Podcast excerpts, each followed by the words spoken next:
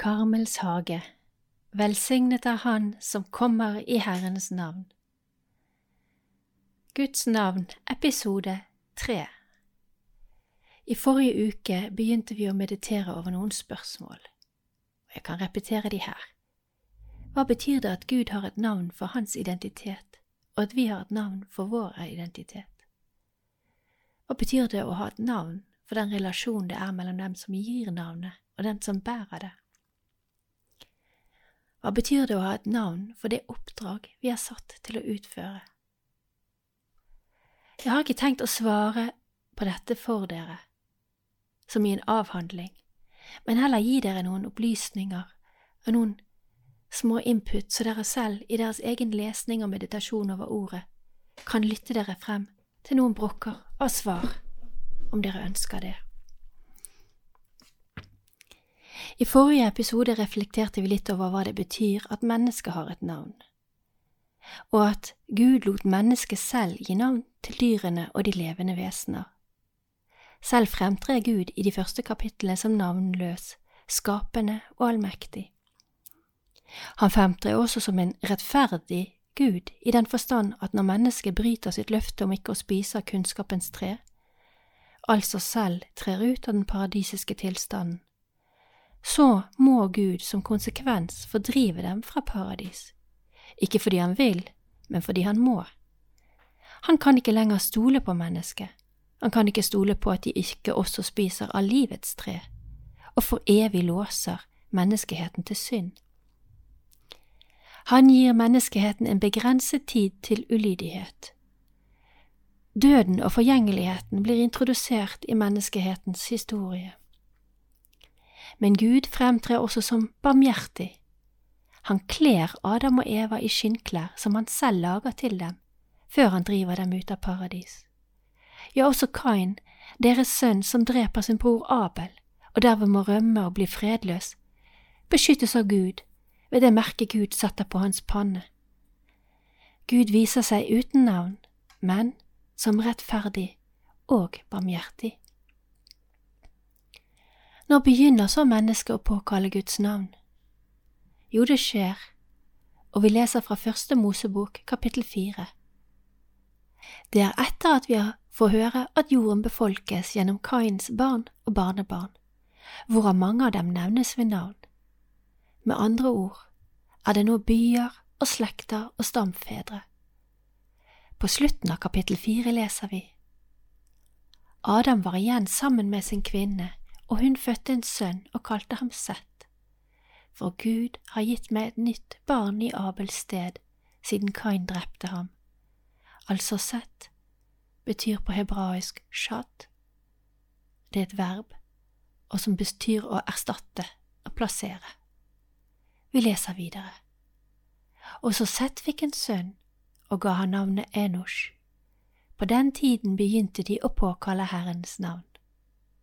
Her kan vi virkelig stoppe opp og meditere, men først litt kunnskap fra vår forklaringsbibel, og jeg oversetter.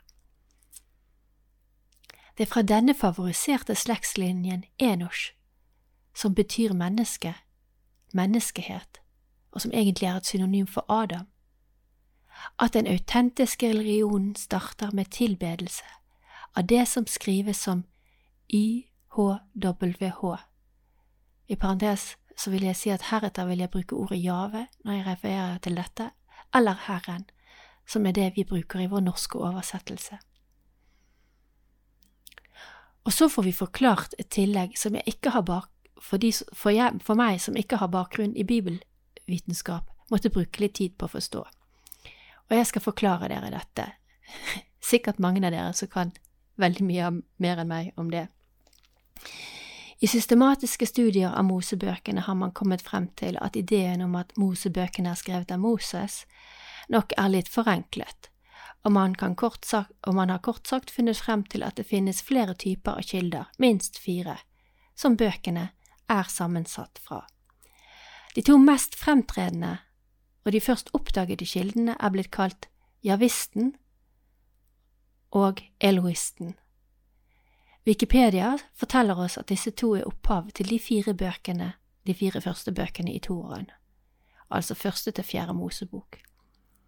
Antallet kilder ble senere utvidet til tre da man identifiserte deuteronomisten, altså en tillitskilde som kun er funnet i femte Mosebok.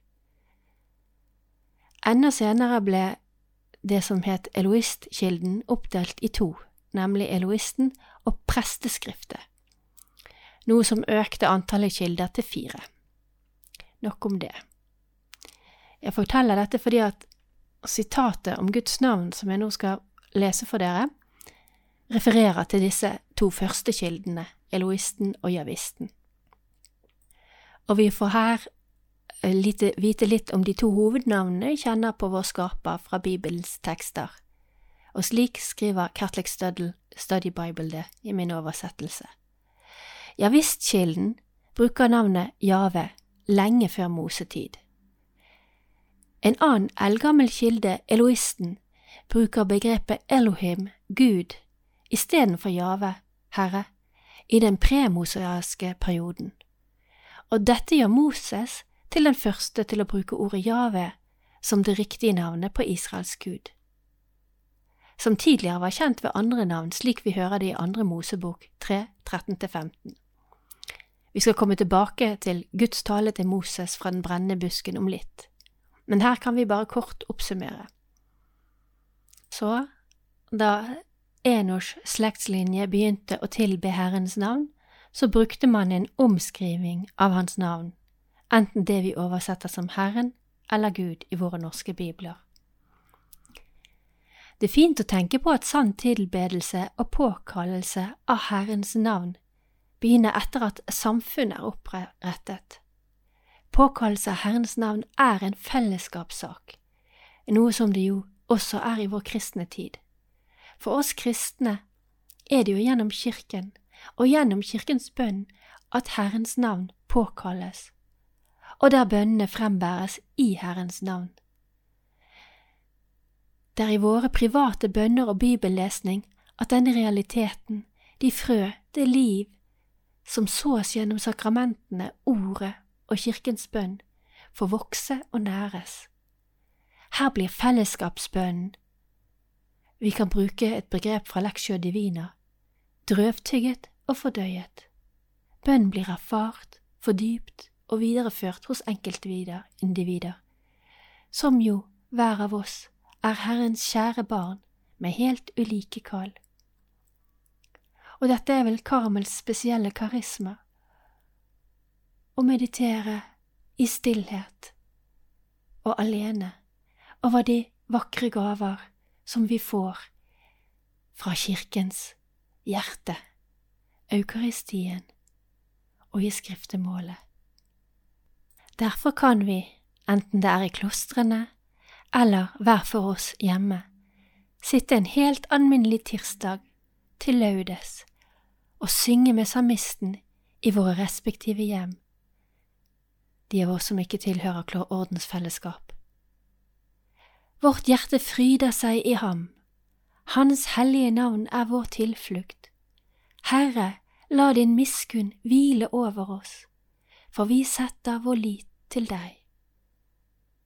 Det er Salme 33 fra Tidebønnens laudes uke 1. Kom, Hellige Ånd, fyll dine troendes hjerter og tenn i dem din kjærlighetsild, du som gjennom de mangfoldige tungemål samlet alle folkeslag til troens enhet. Send ut din ånd, og alt skal bli omskapt, og du fornyer jordens åsyn. La oss be. Gud, du har opplyst de troendes hjerter ved Den hellige ånd. Gi oss at vi ved din ånd kan glede oss over det som er rett, og alltid bli lykkelige ved Hans trøst. Ved Kristus vår Herre. Amen. Guds navn. Det som er så godt ved å være katolikk og også karmelitt, er denne dype respekten for vår tros jødiske røtter, og viljen til å lytte og lære av dem. Jeg tror vi har mye å hente i dag på å lytte til, til den, i en tid der vi noen ganger gjør Gud til vår venn på lik linje med oss, som vi kan be om vennetjenester, mase på, forhandle med og kanskje til og med kommandere.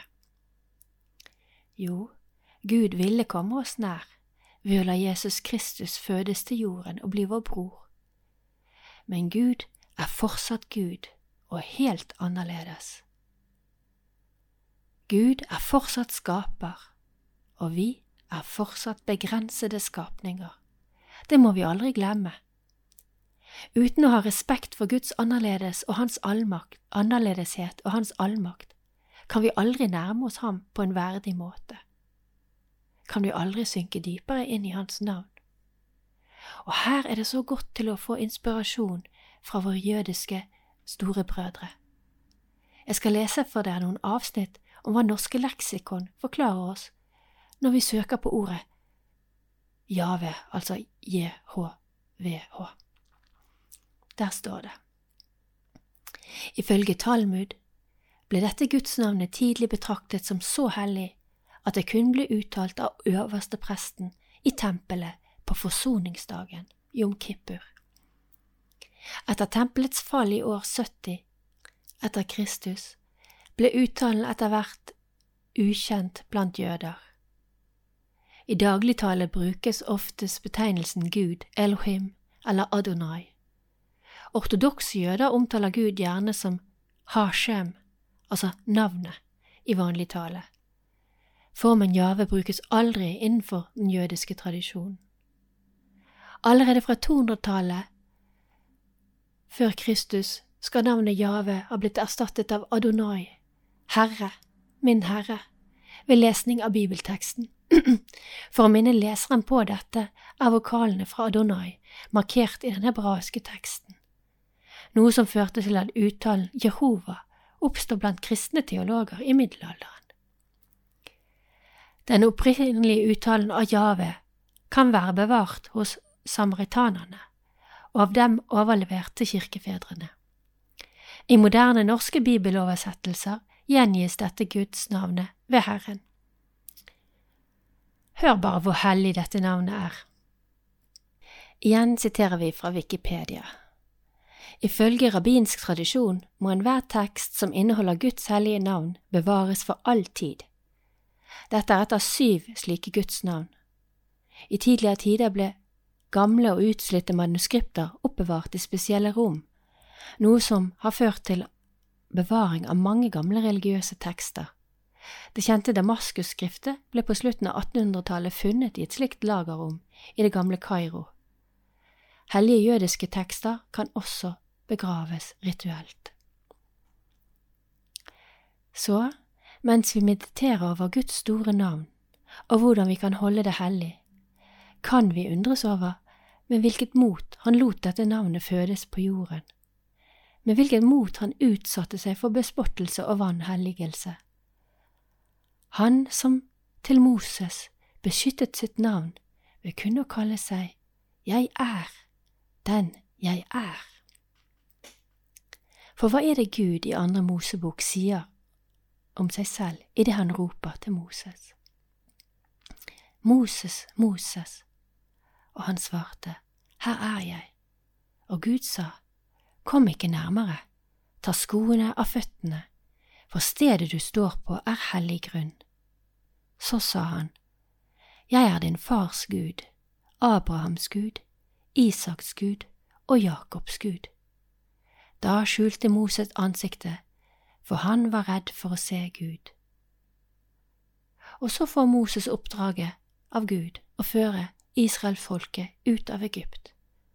På spørsmål fra Moses om hva han skal svare når de spør hvilket navn det er på denne guden, står det å lese fra vers 14. Jeg er den jeg er, og han sa, slik skal du svare israelittene, jeg er, har sendt meg til dere. Og Gud fortsatte, du skal si til israelittene, Herren, fedrenes Gud, Abrahams Gud, Isaks Gud og Jakobs Gud, har sendt meg til dere. Dette er mitt navn til evig tid. Dette skal jeg kalles fra slekt til slekt. Og her avslutter vi meditasjonene fra Mosebøkene for å gå direkte over i vårt Nye testamente, med et bitte lite unntak. alle de utrolig vakre henvisningene til Guds navn i for eksempel Salmenes bok, flere hundre, og profetene, overlater jeg til dere å oppdage selv, enten når dere tilfeldigvis kommer over det, eller om dere bruker for eksempel bibel.no og søker dere frem til disse stedene. Håpet er jo at dere og jeg i våre kristne liv gjennom kirken og lesningen av Guds ord aldri må opphøre å søke, prise, ære og forherlige Guds navn. Så skal vi gå til Guds nye pakt med sine mennesker, den som forespeiles allerede i Jesaja 7, 14. Og her står det, Så hør da, Davids hus, er det ikke nok at dere tretter mennesker, må dere også trette min Gud. Derfor skal Herren selv gi dere et tegn. Se, den unge jenten skal bli med barn og føde en sønn, og hun skal gi ham navnet Immanuel. Kanskje så mye som 800 år før det skulle skje, fikk Jesaja disse ordene fra Herrens engel. Og det er også en engel som forklarer det samme til Josef i en drøm etter at han hadde fått vite at Maria var med barn, og hadde bestemt seg for å skille seg fra henne i stillhet. Vi leser fra Matteus 1, 23. Men da han hadde bestemt seg for dette, viste en Herrens engel seg for ham i en drøm og sa, Josef, Davids sønn, vær ikke redd for å ta Maria hjem til deg som din kone, for barnet som er unnfanget i henne, er av Den hellige ånd. Hun skal føde en sønn, og du skal gi ham navnet Jesus for han skal frelse sitt folk fra deres synder. Alt dette skjedde for at det ordet skulle oppfylles som Herren hadde talt gjennom profetene. Se, jomfruen skal bli med barn og føde en sønn, og de skal gi ham navnet Immanuel, det betyr Gud med oss. Da Josef våknet av søvnen, gjorde han som Herrens engel hadde pålagt ham, og tok henne hjem til seg som sin kone, og levde ikke sammen med henne før hun hadde født sin sønn, og han ga ham navnet Jesus, altså Matteus 1, 23 til 25. Og legg merke til det faktum at dette Jesu navn kommer i Matteus som et endelig punktum etter at hele ættetavlen med alle forfredrenes navn ramses opp i begynnelsen av kapittelet. Her er mye å meditere over. Men vi skal kun se på ett lite aspekt, nemlig det at det er Gud som gir Jesus hans navn, også forløperen Johannes' navn. Et stort og markert, markant skille i de navneskikker som tradisjonen tidligere hadde etablert, og som var opplest og vedtatt fra eldgamle tider. For hvilken oppstandelse blir det ikke når Johannes døperen skal få sitt navn, og han skal kalles Johannes, slik engelen hadde forklart faren i et syn i tempelet? Da han sa, Frykt ikke, Zakaria, din bønn er blitt hørt, din kone Elisabeth skal føde deg en sønn, og du skal gi ham navnet Johannes. Lukas 1, 13 så da de i forbindelse med guttens omskjærelse den åttende dag ville kalle ham Zakaria etter faren, er både guttens mor og far helt enige om at hans navn er Johannes. Dette skriver Zakaria på en tavle. Han var jo som sagt blitt stum fordi han ikke umiddelbart trodde på engelens budskap. Alle ble forundret, men i det samme ble munnen hans åpnet og han begynte å prise Gud. Her kan vi meditere lenge og dypt over Zakarias lydighet til Gud, og betydningen av navnet Johannes, som i min bibelnote forteller meg at, det latinske versjonen, at, det, er den latinske versjonen for det hebraiske ordet som betyr Gud er nådig, og som engelen utdyper i det han forteller dette til Zakaria. Han skal bli til glede og fryd for deg, og mange skal glede seg over at han har født, for han skal være stor i Herrens øyne. Gå selv til kapittel 1 og les Lukasevangeliet. Og les videre om hvordan han skal være en forløper og fylt av Guds hellige ånd. Her griper Gud inn og viser sitt veldige navn ved mirakel på mirakel. Og Johannes, han er jo kun forløperen til det store som skal skje, og som fullstendig skal endre hvordan menneskeheten kan prise Guds navn. Gud som har skjult sitt navn over all denne tiden, som selv har vært skjult, skal nå vise seg i all sin velde og avsløre det navn som står over alle navn, sitt eget navn, sin enbårne sønns navn, Jesus. Hør bare hva navnet Jesus, parentes Herren frelser, innebærer. Her var englenes ord til Maria under bebudelsen. Frykt ikke, Maria, for du har funnet nåde hos Gud. Hør, du skal bli med barn og føde en sønn, og gi ham navnet Jesus. Og navnet Jesus kommer altså fra det hebreiske ordet Jeshua, som betyr Herren frelser. Og hva mer sier ikke engelen om ham som skal bære dette navnet? Jo, han sier, han skal være stor og kalles den høyeste sønn, og Herren Gud skal gi ham hans far Davids trone.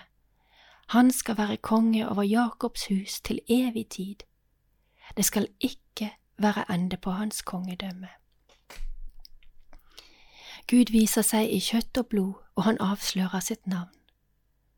Vi skal avsløre det her fordi det nå ligger foran oss en livslang oppdagelsesreise der, for hver og en av oss, og som vi må gå i vårt eget tempo, gjennom vår egen leksio divina, våre egne åndelige liv.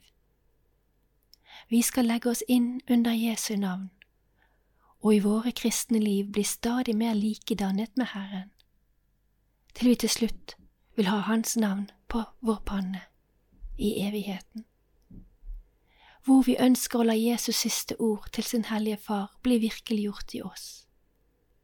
Og vi repeterer ordene fra Johannes 17, 11–12. Hellige Far, bevar dem i ditt navn, det navnet du har gitt meg, så de kan være ett slik som vi er ett. Da jeg var hos dem, bevarte jeg dem i ditt navn, det navnet du har gitt meg. Så la oss i dag takke for at vi har en Gud som har avslørt seg for oss, til slik en grad. La oss takke for Jesus store forunderlige bønn over oss, en bønn som han gikk gjennom kors og død og lidelse for å oppfylle. Ikke minst la oss takke for at han skal lære oss å bli ett med hans navn. Våre kristne forfedre her i Norge, ikke langt tilbake i tid, gjorde alt i Jesu navn.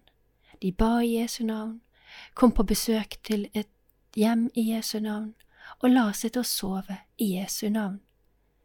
Kanskje dette kan være til inspirasjon for oss også, også vi kan stå opp fra vår seng i Jesu navn om morgenen, gå ut i verden i Jesu navn, møte våre medmennesker, kollegaer, venner i Jesu navn. Hva vil ikke det gjøre med våre hverdager om vi virkelig besinner oss mange ganger om dagen og tenker over dette? Ikke minst, hva vil det gjøre med vår bønn Fader vår, når vi skjønner at Jesus, ved å lære disiplene denne bønnen, ga dem så å si oppskriften på hvordan han ser for seg at han skal bevare oss i Herrens navn. For om vi leser bønnen en gang til, veldig langsomt etter disse meditasjonene, så blir det én setning som stikker seg ut, og som hele aksen, som er hele aksen bønnen henger på, som fokus, mål og utgangspunkt for hele bønnen. Fader vår, du som er i himmelen, helliget vorde ditt navn.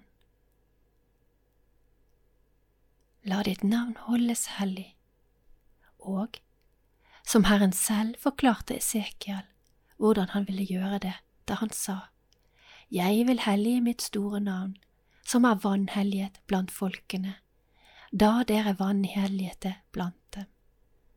Slik viser Jesus oss i Herrens bønn hvordan vi kan be for at Han skal kunne hellige sitt navn i oss som har vanhelligete.